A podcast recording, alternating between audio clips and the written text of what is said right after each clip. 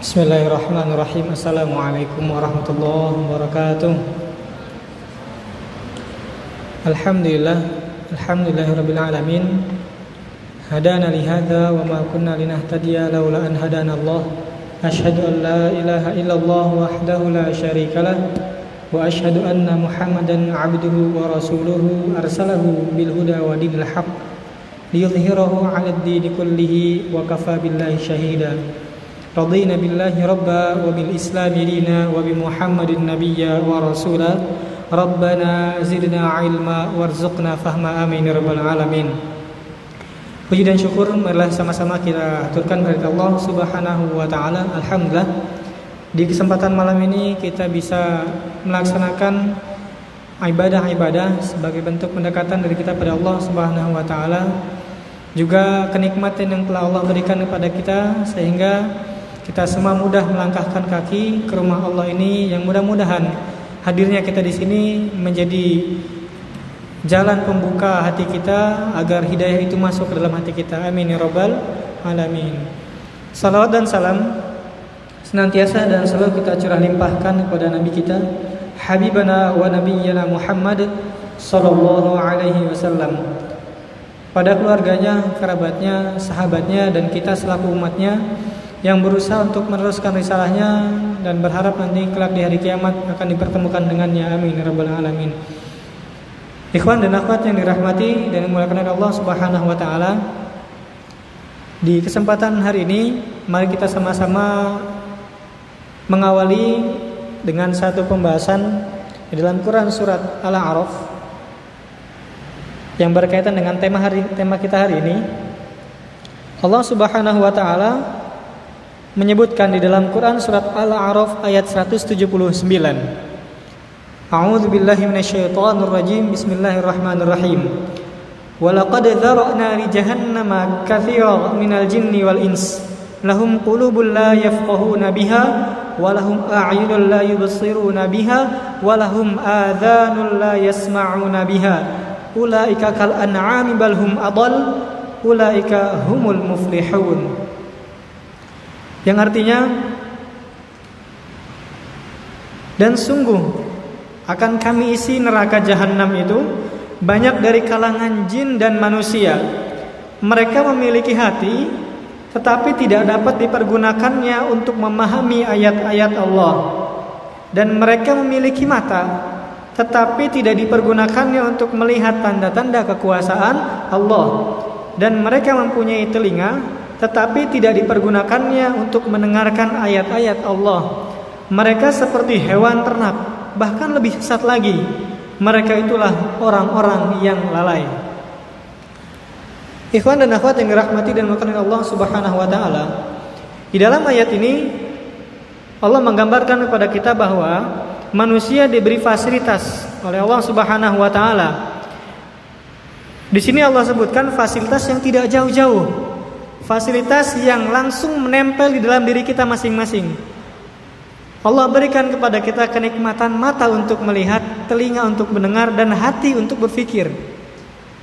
Ya, hati untuk berpikir, memahami. Ini fasilitas yang sangat dekat di dalam diri kita masing-masing.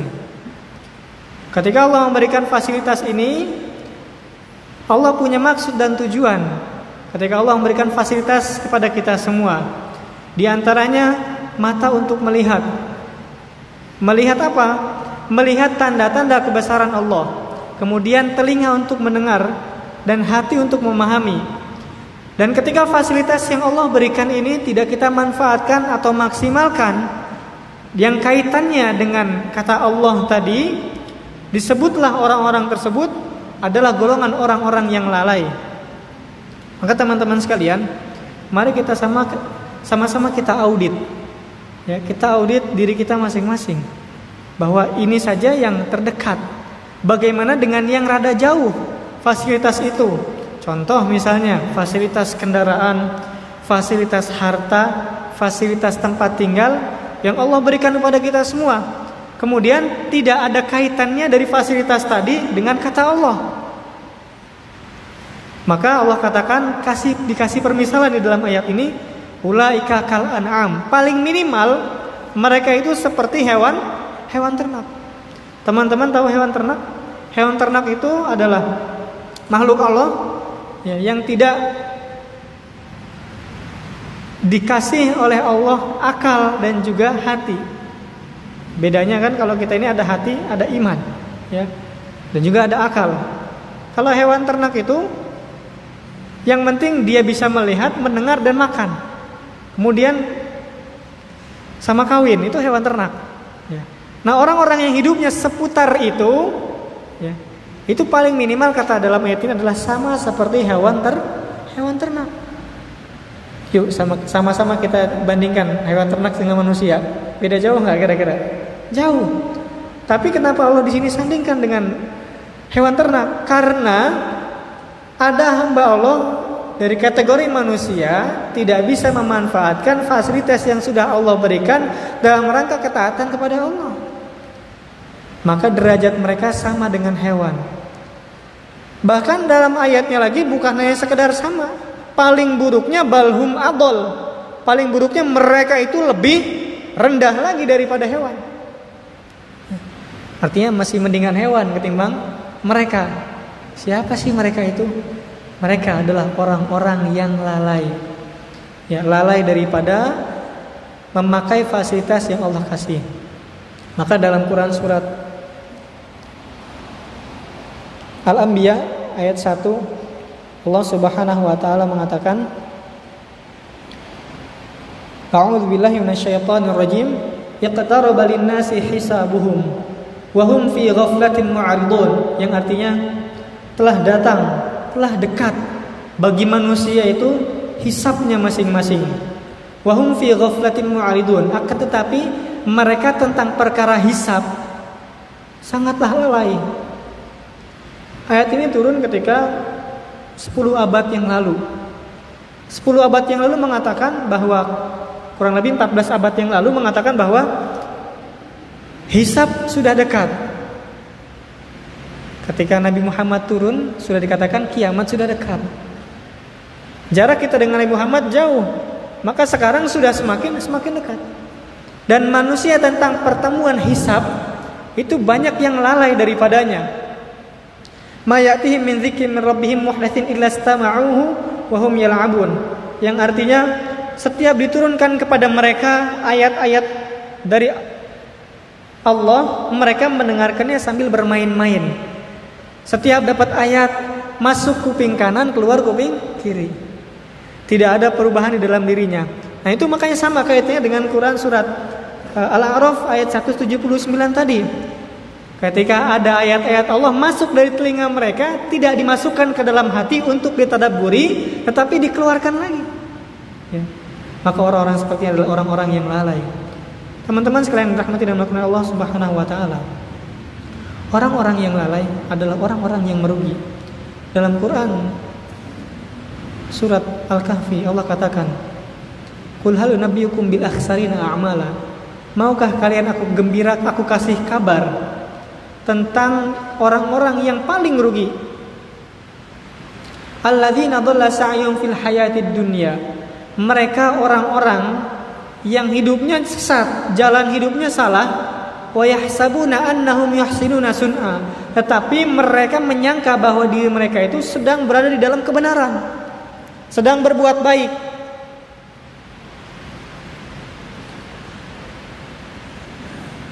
Mereka menyangka sudah banyak melakukan amal soleh, tetapi di sisi Allah mereka tidak sama sekali melakukan kebaikan. Mereka adalah orang-orang yang lah, yang lalai. Dalam pengertiannya, lalai adalah orang-orang yang tidak mengindahkan perintah-perintah Allah. Mereka bukan tidak mengerjakan, mereka mengerjakan, tapi pengerjaannya tidak indah. Nah ini ya, bedanya orang yang lalai dengan orang yang tidak lalai adalah orang yang lalai itu mereka mengerjakan tapi pekerjaannya tidak indah. Nah, orang yang mengingat atau orang yang serang mengingat-mengingat zikir lawannya lalai itu kan zikir. Orang yang mengingat mereka akan senantiasa mengindahkan pekerjaan atau dalam bahasa Arabnya ihsan. Ya. Setiap melakukan pekerjaan merasa diperhatikan oleh Allah sebelum dan setelah selalu merasa diawasi oleh Allah. Gerak-geriknya merasa diperhatikan oleh Allah. Ini orang-orang yang ihsan. Tapi orang-orang yang lalai, mereka mengerjakan pekerjaan seadanya aja. Maka orang yang orang lalai sholat enggak? Orang lalai juga sholat, tapi sholatnya tidak indah. Maka dalam Quran surat Al-Maun disebutnya orang-orang yang mendustakan agama. Siapa mereka itu? Mereka yang sholat tapi sholatnya lalai. Gimana sih sholatnya lalai? Ngerjain tapi tidak bagus. Contohnya tidak mengerjakan tepat pada waktunya. Itu contoh kecil orang-orang yang lalai. Atau dalam gambaran umumnya mereka adalah orang-orang yang tidak mengindahkan perintah-perintah Allah. Bukan mereka menolak, mereka percaya dan mereka sadar ini perintah Allah. Tapi perintah Allah tidak diamalkan. Diamalkan bisa jadi tapi diakhirkan. Nah, ini orang-orang lalai. Maka orang-orang lalai adalah orang-orang yang rugi, yang rugi. Dalam Quran surat Yunus bahwa Allah menyebutkan mereka ini ke dalam golongan orang-orang yang merugi A'udzu billahi minasyaitonir rajim. Bismillahirrahmanirrahim.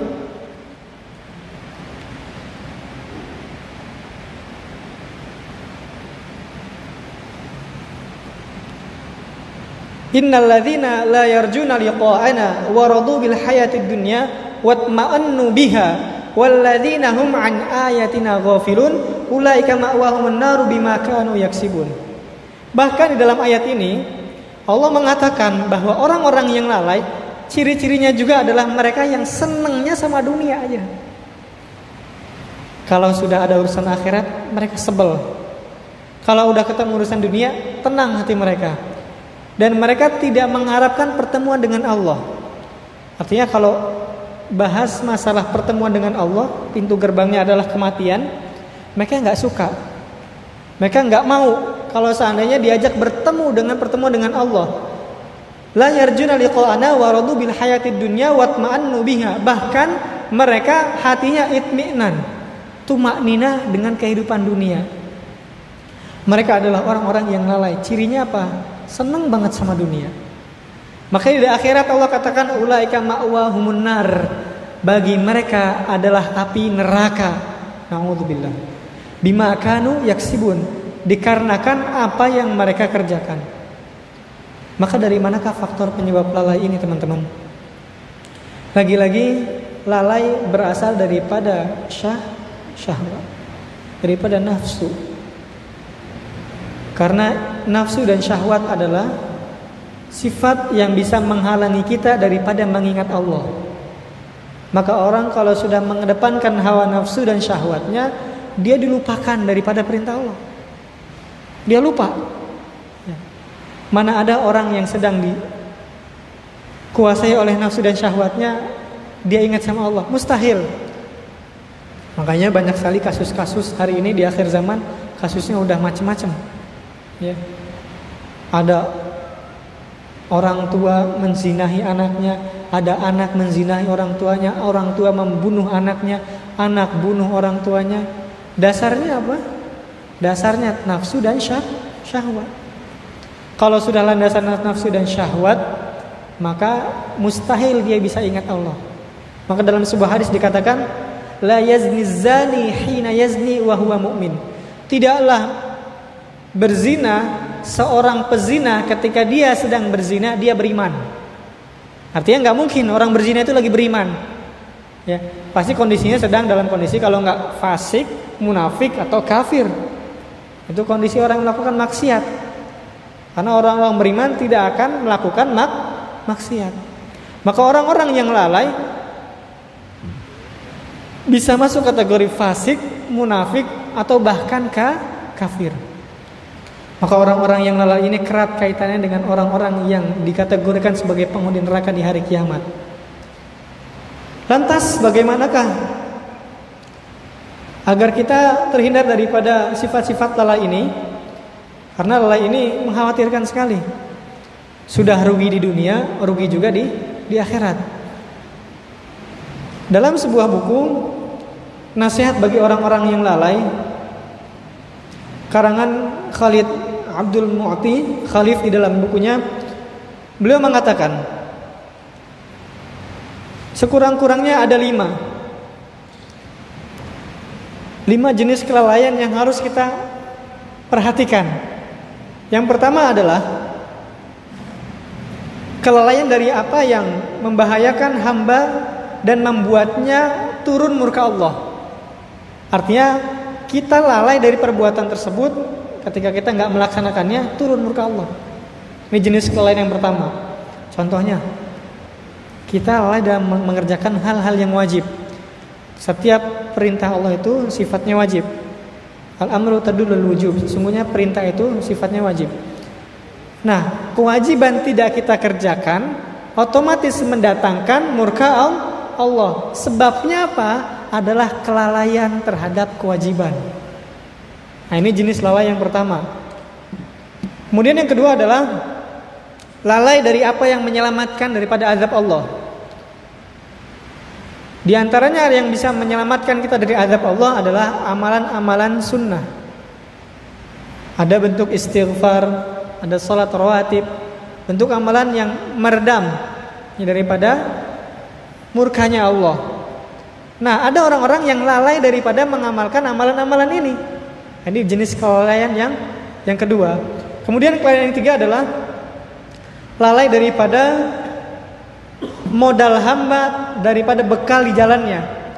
Apa bekal agar kita selamat? Allah kasih kita usia dan waktu. Nah, ini lalai yang ketiga adalah lalai daripada usia dan waktu. Allah kasih kita usia, kesempatan, dan waktu, tapi kita tidak bisa memanfaatkannya, tidak bisa mengisi dalam ketaatan kepada Allah Subhanahu wa taala. Dalam sebuah hadis, dua perkara yang manusia itu sering lupa. Ni'matani maghbunun fihi makatsirun minan nas, as-sihhatu wal faragh. Kesehatan dan waktu luang. Banyak sekali manusia lalai daripadanya. Kemudian yang keempat adalah lalai daripada di, tujuan diciptakannya kita ini. Kalau boleh kita tanyakan kepada diri kita masing-masing, bahkan hari ini ada orang yang tidak tahu hidupnya itu diciptakan untuk apa. Pertanyaan sederhana, kita diciptakan oleh Allah ini untuk apa? Sederhana sekali. Dan jawabannya sebenarnya sama, tidak beda. Tapi karena kita nggak dapat sumber dari Quran, akhirnya jawabannya beda-beda. Allah tegaskan di dalam Quran surat Az-Zariyat ayat 56 bahwa tujuan diciptakannya kita adalah untuk beribadah kepada Allah. Khalaqnal jinna wal insa illa liya'budun. Dan tidak aku ciptakan jin dan manusia kecuali untuk beribadah, beribadah kepadaku. Ada manusia yang hidupnya itu tidak kepada tujuan. Dia bukan beribadah kepada Allah, tapi beribadah kepada selain Allah. Ciri-cirinya beribadah kepada materi-materi dunia, beribadah kepada fasilitas-fasilitas dunia. Akhirnya kabur dia. Nah, ini daripada lalai yang berikutnya. Yang terakhir adalah lalai terhadap kondisi Islam dan dakwah Islam. Artinya ciri-cirinya adalah acuh tak acuh terhadap kondisi kaum muslimin saat ini adalah bentuk daripada kelalaian.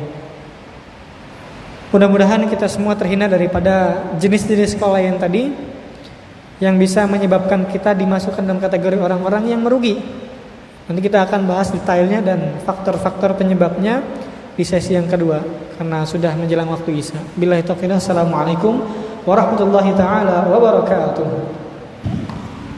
Bismillahirrahmanirrahim. Assalamualaikum warahmatullahi wabarakatuh. Alhamdulillah. Alhamdulillah rabbil alamin. وبه نستعين على أمور الدنيا والدين والصلاة والسلام على أشرف الأنبياء والمرسلين سيدنا ومولانا محمد وعلى آله وأصحابه ومن تابعهم بإحسان إلى يوم الدين أما بعد Baik, ikhwan akhwan yang dirahmati dan dimuliakan oleh Allah Subhanahu wa taala.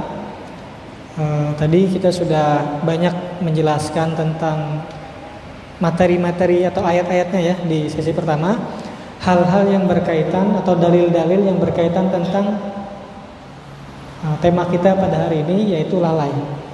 Teman-teman sekalian, uh, di sesi kedua ini kita akan lebih dalam lagi mengkaji spesifik di dua ayat karena di sini saya melihat teman-teman sesuai dengan jenjang usia yang hadir di sini.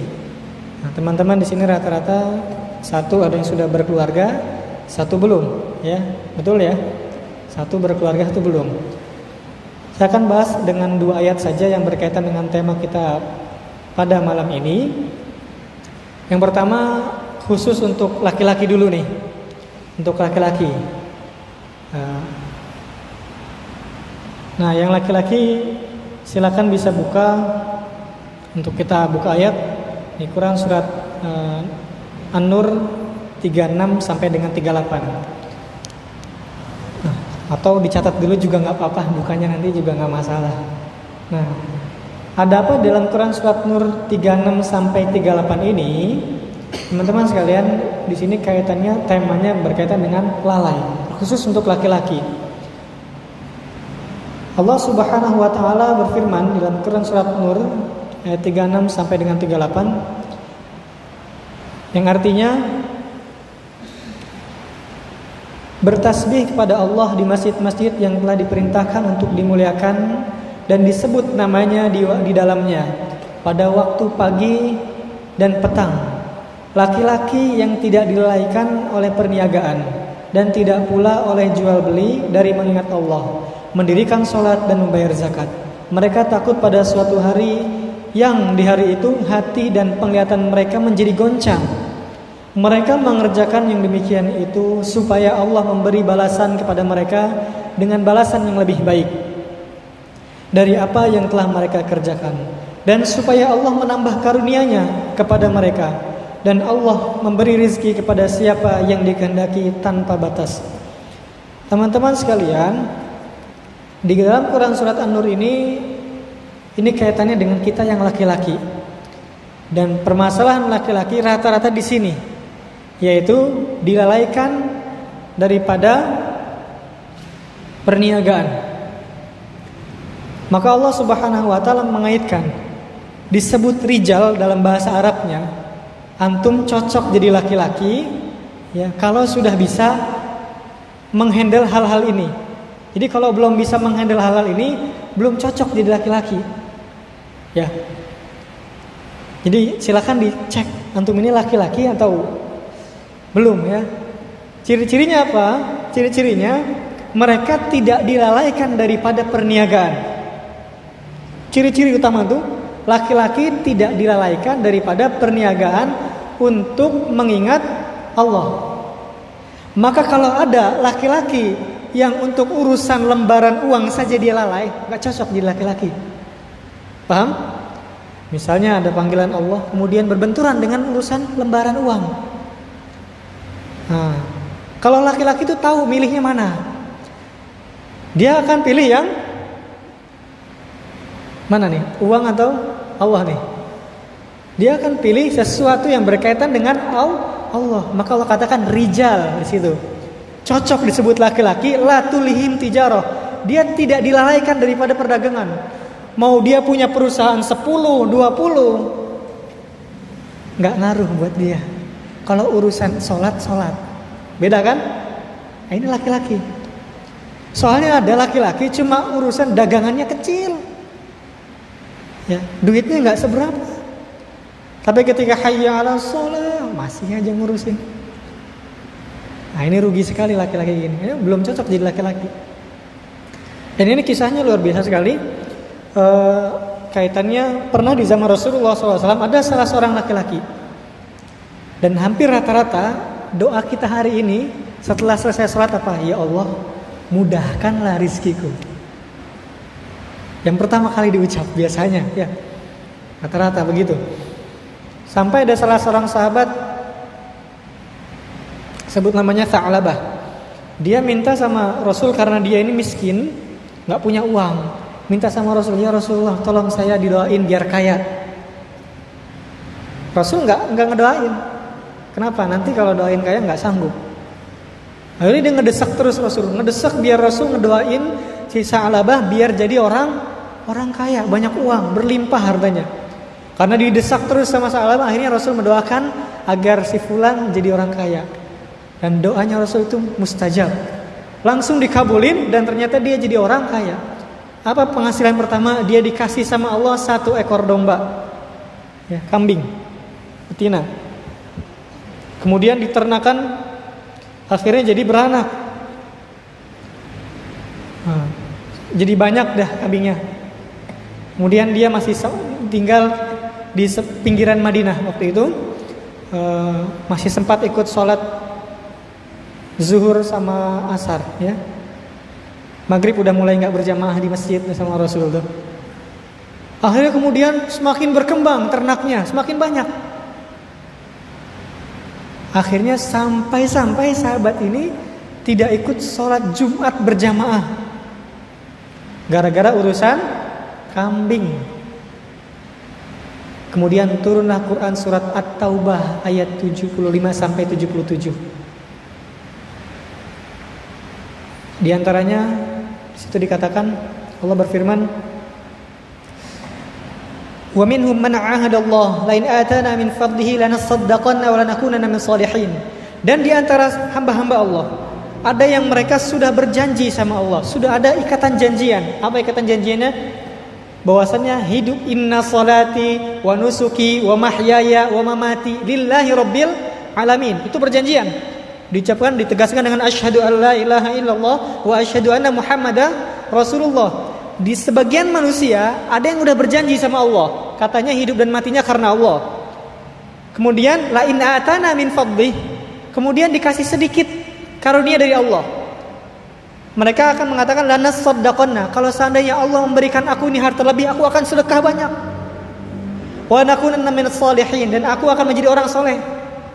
Awas hati-hati ada nanti yang doa begini, ya Allah, banyakkanlah saya harta, dengan harta saya akan bersedekah jadi orang soleh. Gak cukup. Kemudian Allah katakan, "Falamma atahum min fadlihi bakhilu bihi wa tawallaw wa hum mu'ridun."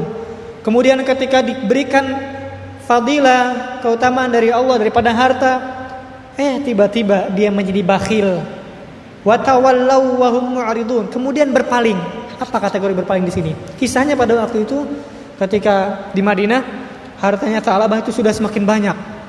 Maka orang-orang semakin membicarakan Ta'labah yang tadinya sholat berjamaah lama-lama jadi mundur-mundur-mundur hilang dari masjid.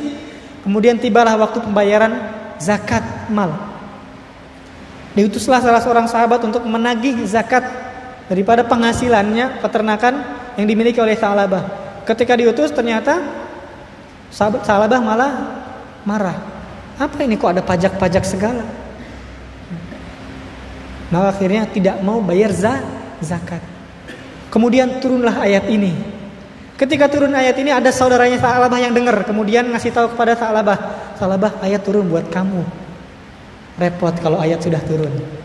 Akhirnya Sa'labah bergetar bingung, kemudian beliau pun mendatangi Rasulullah untuk memberikan semua hartanya zakatnya kepada Rasulullah. Apa diterima sama Rasul kira-kira? Enggak diterima. Kenapa? Karena sudah melanggar perjanjian dengan Allah. Dilalaikan oleh yang namanya har harta. Maka ini untuk khusus yang belum menikah dan juga sudah menikah, untuk laki-laki pada umumnya, hati-hati laki-laki itu biasanya riskan dilalaikan oleh yang namanya har harta.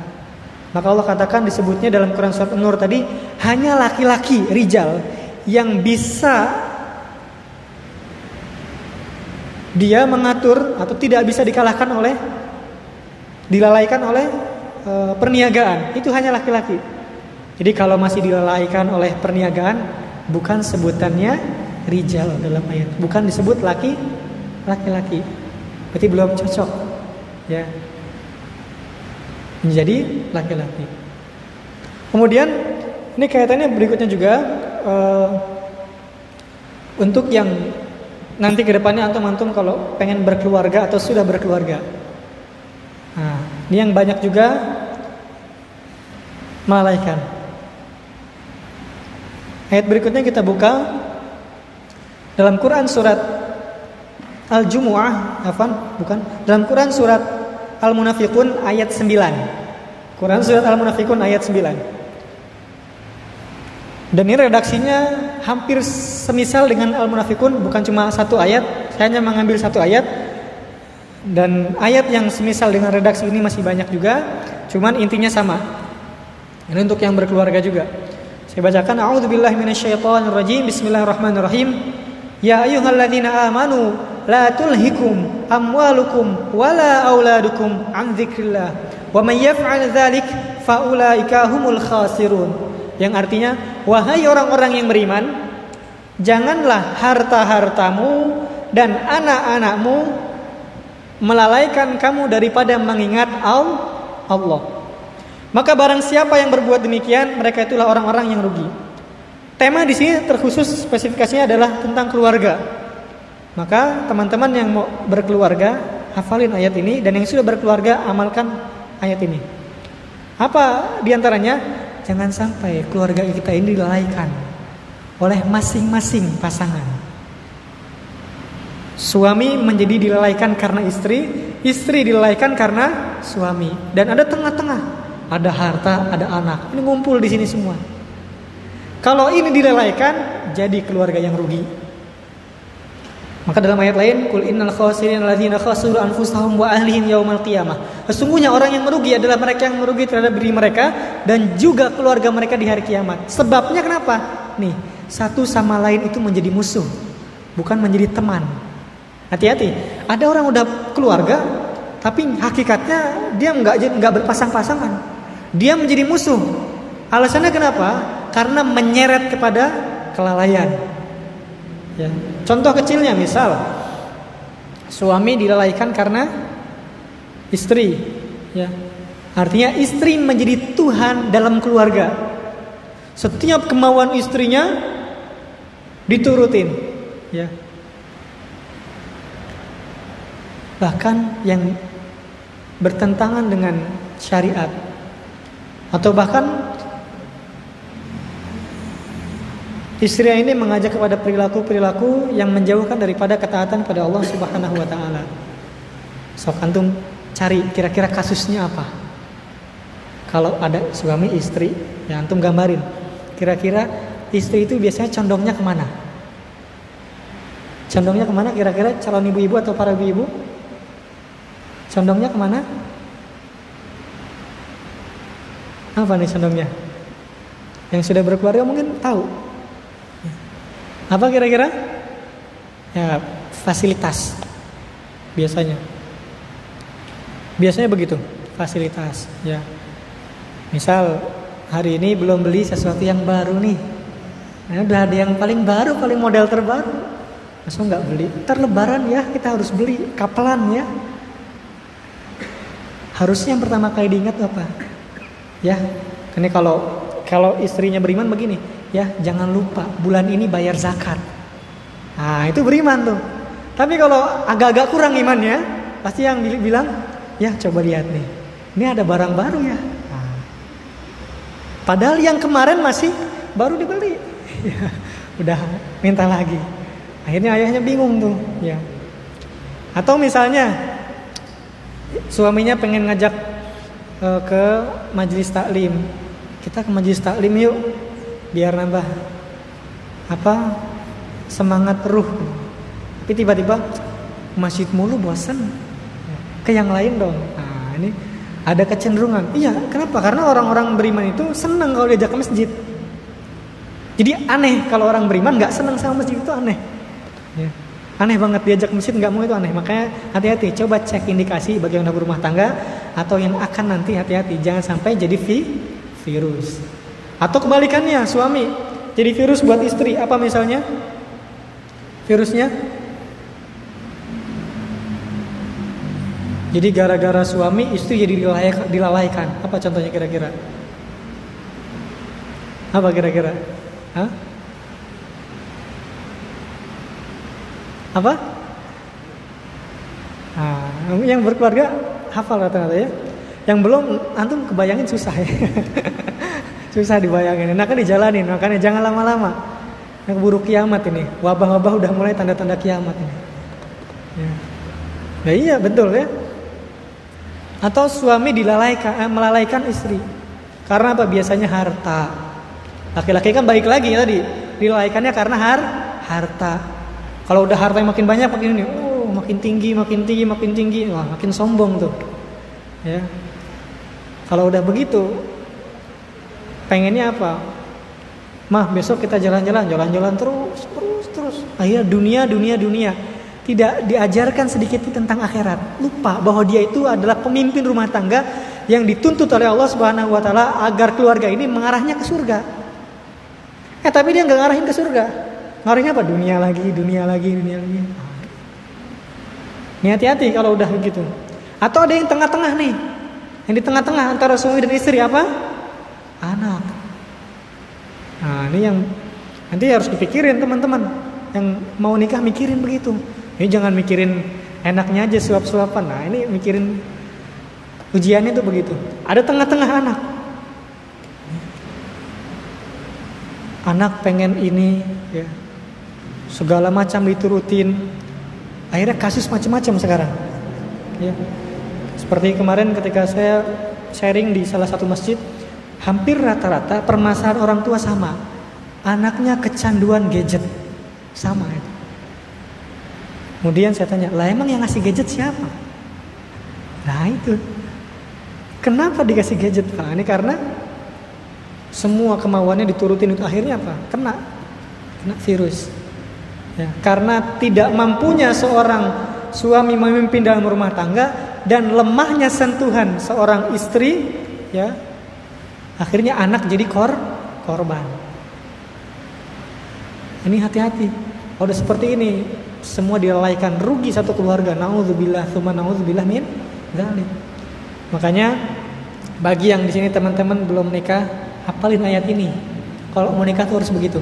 La tulhikum amwalukum wala auladukum an dzikrillah. Jangan sampai kamu jadi penghalang saya daripada ingat Allah. Sebelum nikah merajin ngajinya, Eh habis nikah nggak pernah kelihatan. Ya, kenapa? Nempel terus ya. Majelisnya di rumah aja udah. Nah, ini kan jadi masalah ya. Jadi masalah juga. Nah.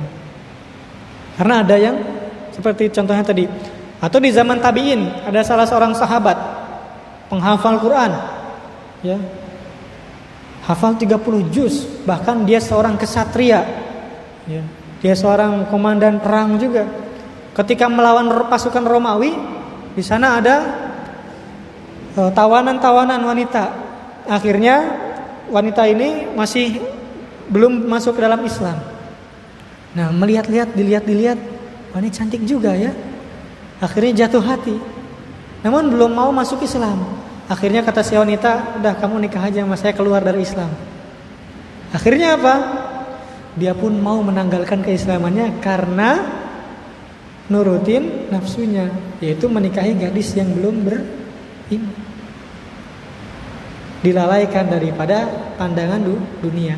Nah orang-orang kayak gini ini jadi pelajaran buat kita bahwa nggak jamin. Hari ini kita pakai peci ya naudzubillah besok masih bisa pakai peci. Hari ini masih senang taklim sholat. Belum tentu kalau udah nikah masih istiqomah kayak begini. Ya. Sekarang nih para ibu-ibu nih masih calon ibu-ibu atau mungkin ya Subhanallah masih semangat ya. Ntar kalau udah punya anak, cek ngajinya. Tadarusnya masih masih konsisten apa udah kelewat ini? Ya, semuanya penting. Tapi ibadah sama Allah jangan sampai ditinggalkan. Dulu waktu masih misalnya masih sendiri rajin tahajudnya. Wah. Udah nikah, tidurnya sama istri. Wah, udah nggak bisa bangun itu. Saking nyenyaknya.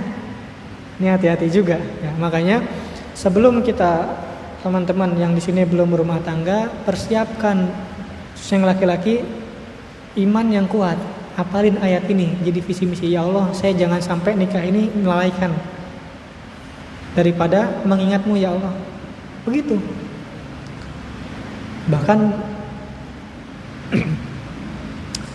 ada ayat lagi yang lebih spesifik menjelaskan ujian-ujiannya. Dalam Quran surat At-Taubah ayat 24. Nah, teman-teman bisa baca lagi itu dijelaskan lebih detail lagi. Siapa aja sih yang bikin masalah di rumah nih? Jelaskan. Ada tujuh, ada delapan, delapan melawan tiga. Delapan orang, kalau kita turutin celaka kita. Nah, tiga golongan yang harus kita ikutin. Di situ teman-teman bisa baca di situ. Kul inkana abakum bapak, wa abnaakum anak, wa ikhwanakum saudara. Sampai ke yang lain perniagaan, perdagangan, kemudian uh, istri, ya. Itu dimasuk ke dalam kategori delapan ini lebih kita cintai daripada Allah Rasul dan juga berjuang di jalan Allah, maka tunggu nanti azab. Sampai begitu loh. Orang yang cuma ngurusin begituan, tidak mau mengurusin Allah, Rasul, sama ngaji, nah itu bahaya. Maka ngaji sampai kapan sih? Sampai mati. Sampai Allah bilang udah cukup, saatnya kamu istirahat. Ya.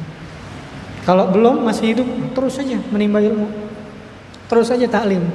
Ya, terus saja ngaji. Karena begitu.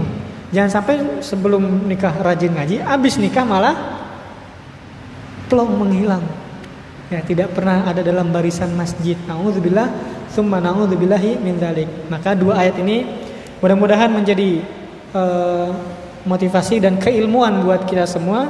Satu khusus untuk laki-laki.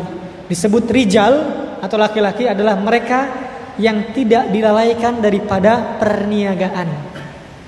Bahkan lebih jelas lagi dalam Quran surat Al-Jumu'ah, ya ayyuhalladzina amanu wa orang beriman, ketika dipanggil idanu dia salati mi yaumil jum'ah ketika dipanggil untuk sholat jum'ah fas'au respeknya laki-laki itu apa sifatnya bergegas bahkan lebih detail lagi khusus hari Jumat sifatnya laki-laki itu gegas bergegas nah kalau nyantai-nyantai aja nggak cocok jadi laki-laki ya bisa udah mepet-mepet nih udah azan pertama ini baru udah siap baru mandi Baru mandi Jumatan, eh nggak cocok jadi laki-laki.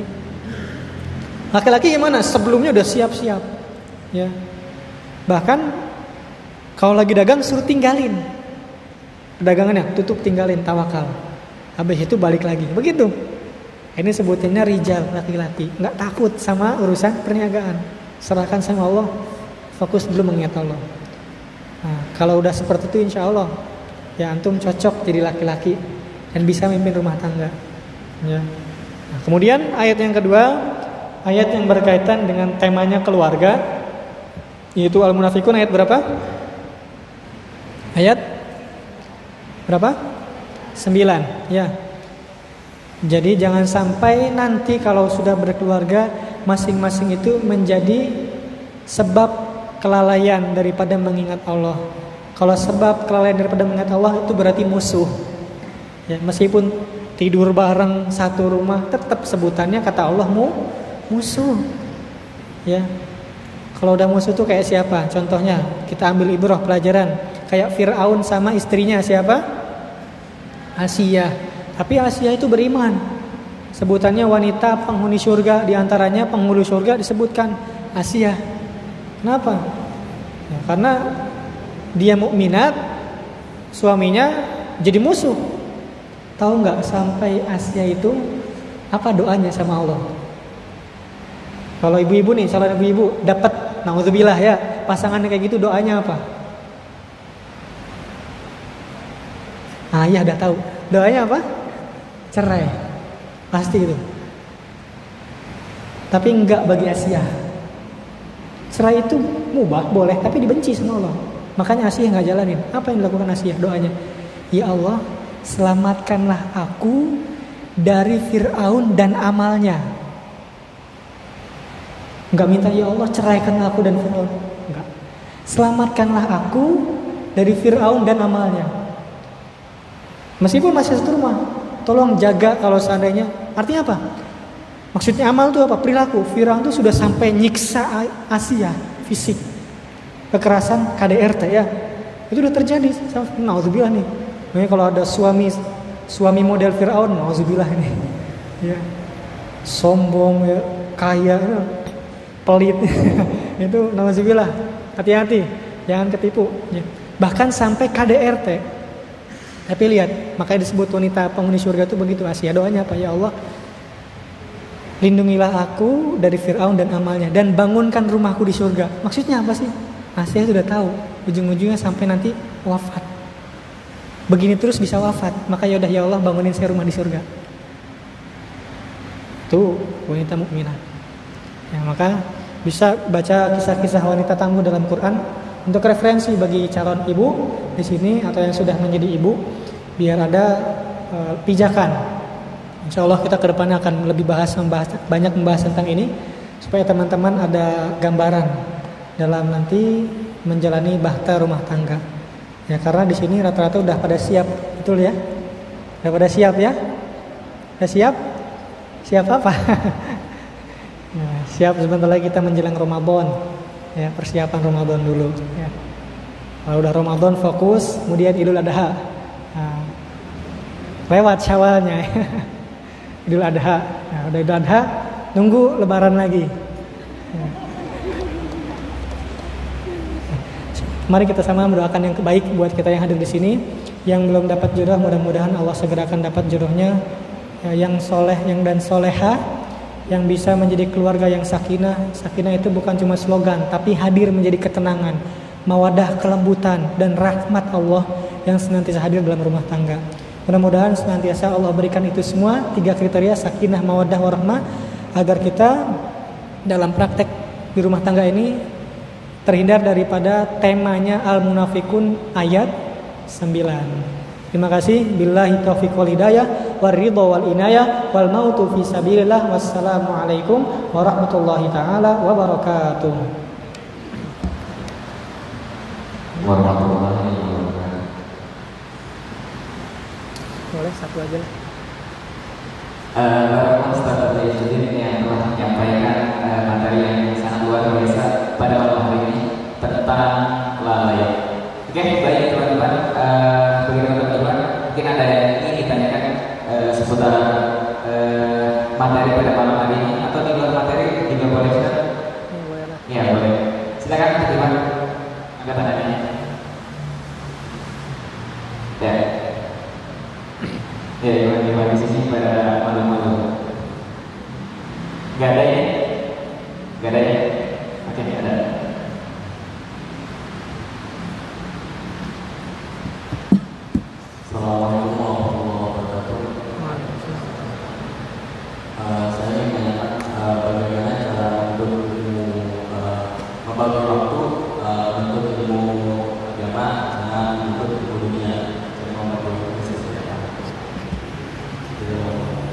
Wabarakatuh. Bagaimana cara membagi waktu? Satu, ini pertanyaan yang sudah pernah ditanyakan juga oleh salah seorang penanya kepada Mukarram Ustadz ya. Untuk ilmu agama itu harus serius, nggak bisa sampingan. Maka dalam rumusnya wal akhiratu khairul laka minal mula wal akhiratu khairun wa. Ya, kalau mau menuntut ilmu agama harus fokus, jangan dibagi-bagi. Maksudnya gimana sih? Ya kalau sedang pendidikan umum agak susah bisa fokus agama. Maka targetkan kalau sudah selesai umum saya harus ke agama. Karena yang begitu tidak bisa kita setengah-setengah ya.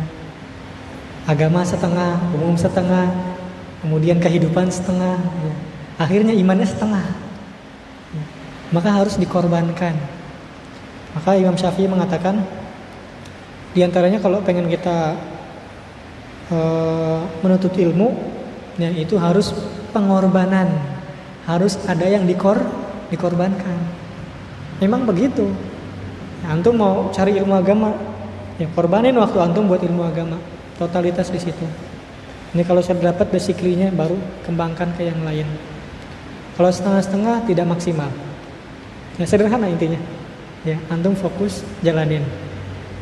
Tapi dikorbanin, ya dikorbanin. Begitulah resiko. Rumusnya apa? Wal akhiratu khairun beres. Ngikutin Quran aja sederhana. Nah, kalau ngikutin yang lain puyang kita. Ya, wal akhiratu khairul laka minal ula. Rumusnya, wa bataghi fi ma ataqallahu darul akhirah dan kejarlah olehmu penghidupan akhirat. Wala tansa nasibaka minad dunya dan jangan lupa. Dunia itu cuma jangan lupa aja. Jangan sampai kita akhirat terus tapi akhirnya lupa kita ini masih di dunia. Ya. Fokus ke akhirat tapi jangan lupa dunia. Cuma jangan lupa ya. Artinya bahkan dalam sebuah pengertian kita itu di dunia kayak mampir di sebuah pohon kemudian pergi lagi. Jangan jadikan ini fokus. Fokusnya akhirat. Nanti antum dapat sesuatu yang antum inginkan. Allah alam bisawab.